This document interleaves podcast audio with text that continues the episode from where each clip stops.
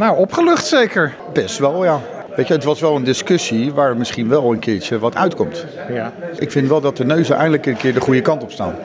Dus dat, eh, eh, mijn plan werd niet onderuit gehaald. Alleen de samenwerking, daar moeten we aan sleutelen dat, het, dat er eh, wat goeds uitkomt. Ja, want even in, eh, he- heel kort samenvattend. Jij hebt ooit gezegd, ik wil dat pand kopen en dan maak ik er een boutique hotel van, even kort. Klopt. Nou, dat ging toen allemaal niet door. En nu ben je nog steeds huurder, dat blijf je ook. Maar dat plan wil je nog steeds doorzetten. Ja, ja, inderdaad. En misschien nog wel beter ook. Want nu heeft de gemeente, eh, die houdt, behoudt het pand. Dus Ja. dat betekent ook dat de buitenschil wordt altijd onderhouden door de gemeente. En ik kan er gewoon de binnenkant invullen zoals ik het wil. En ook de, waarschijnlijk de grote zaal die er dan uit wordt geha- gehaald. Uit het huurcontract. Uit het huurcontract, waardoor ik minder huur ga betalen. En ook de maatschappelijke invulling eh, kan ingevuld worden. Ja, dat hoef jij dan niet te doen. Daar ben jij dan niet verantwoordelijk voor. Nou, nee, liever niet. Nee. Want het is niet altijd even makkelijk om eh, met eh, dit soort clubjes zeg maar, om de tafel te gaan zitten en er goed uit te komen.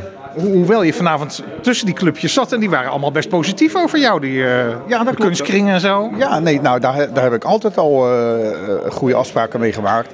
Ja, het, weet je, je moet af en toe je moet een beetje water bij de wijn doen. Dus af en toe elkaar wel een beetje helpen. Ja. En elkaar weet je, het licht in de ogen gunnen. Dus als er wat is, even praten. En met Bert van de VKK ging het altijd goed. Alleen mensen zien allemaal zoveel beren op de weg. Ze denken ook dat ik hier met een bulldozer door dat pand heen ga. Ik ga helemaal niet met een bulldozer door het pand heen.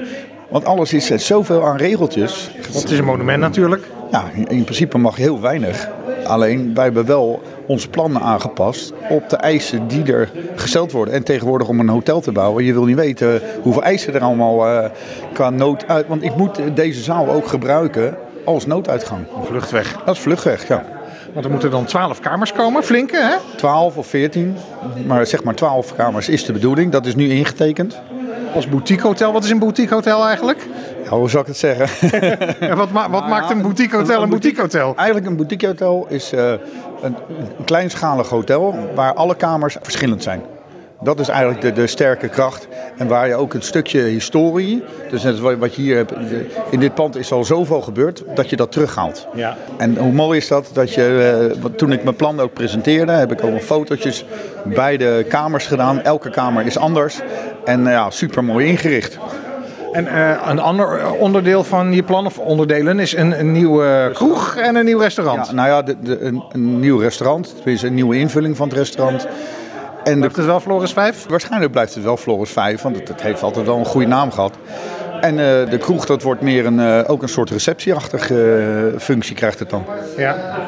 Dus ja, en, en zo moet het lukken gewoon. En zeven dagen per week open, 24 uur per dag. Waardoor je veel meer, tot ziens, waardoor je veel meer expansiekrachten aan, aan dit pand kan geven. Ja, want dat zei je ook. Hè? Vroeger waren we vijf dagen per week open. En ook die maatschappelijke functie kon dan maar vijf dagen per week. En dat Ja. wordt ook straks elke dag. En dat, dat kan nu zeven dagen worden. ja. Nou, de wethouder zei, dat klinkt misschien bemoedigend. Eind van het jaar willen we naar de raad met een plan. Dat is al heel snel.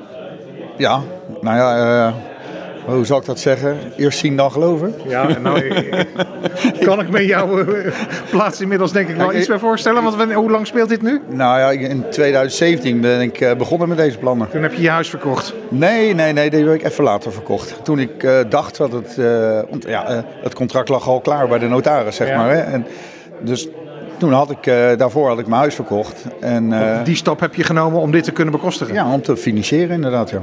Ja. ja. En dat is op het laatste moment eh, niet doorgegaan. En toen dacht ik van, nou, misschien lukt het nog wel. Maar eh, ja, dat hele proces met Bayer, dat is natuurlijk ook... eh, we hebben elf maanden op die rechtszaak moeten wachten. Ja. Dat betekent ook van, ja, ik, ik ben zo al die tijd in onzekerheid geweest.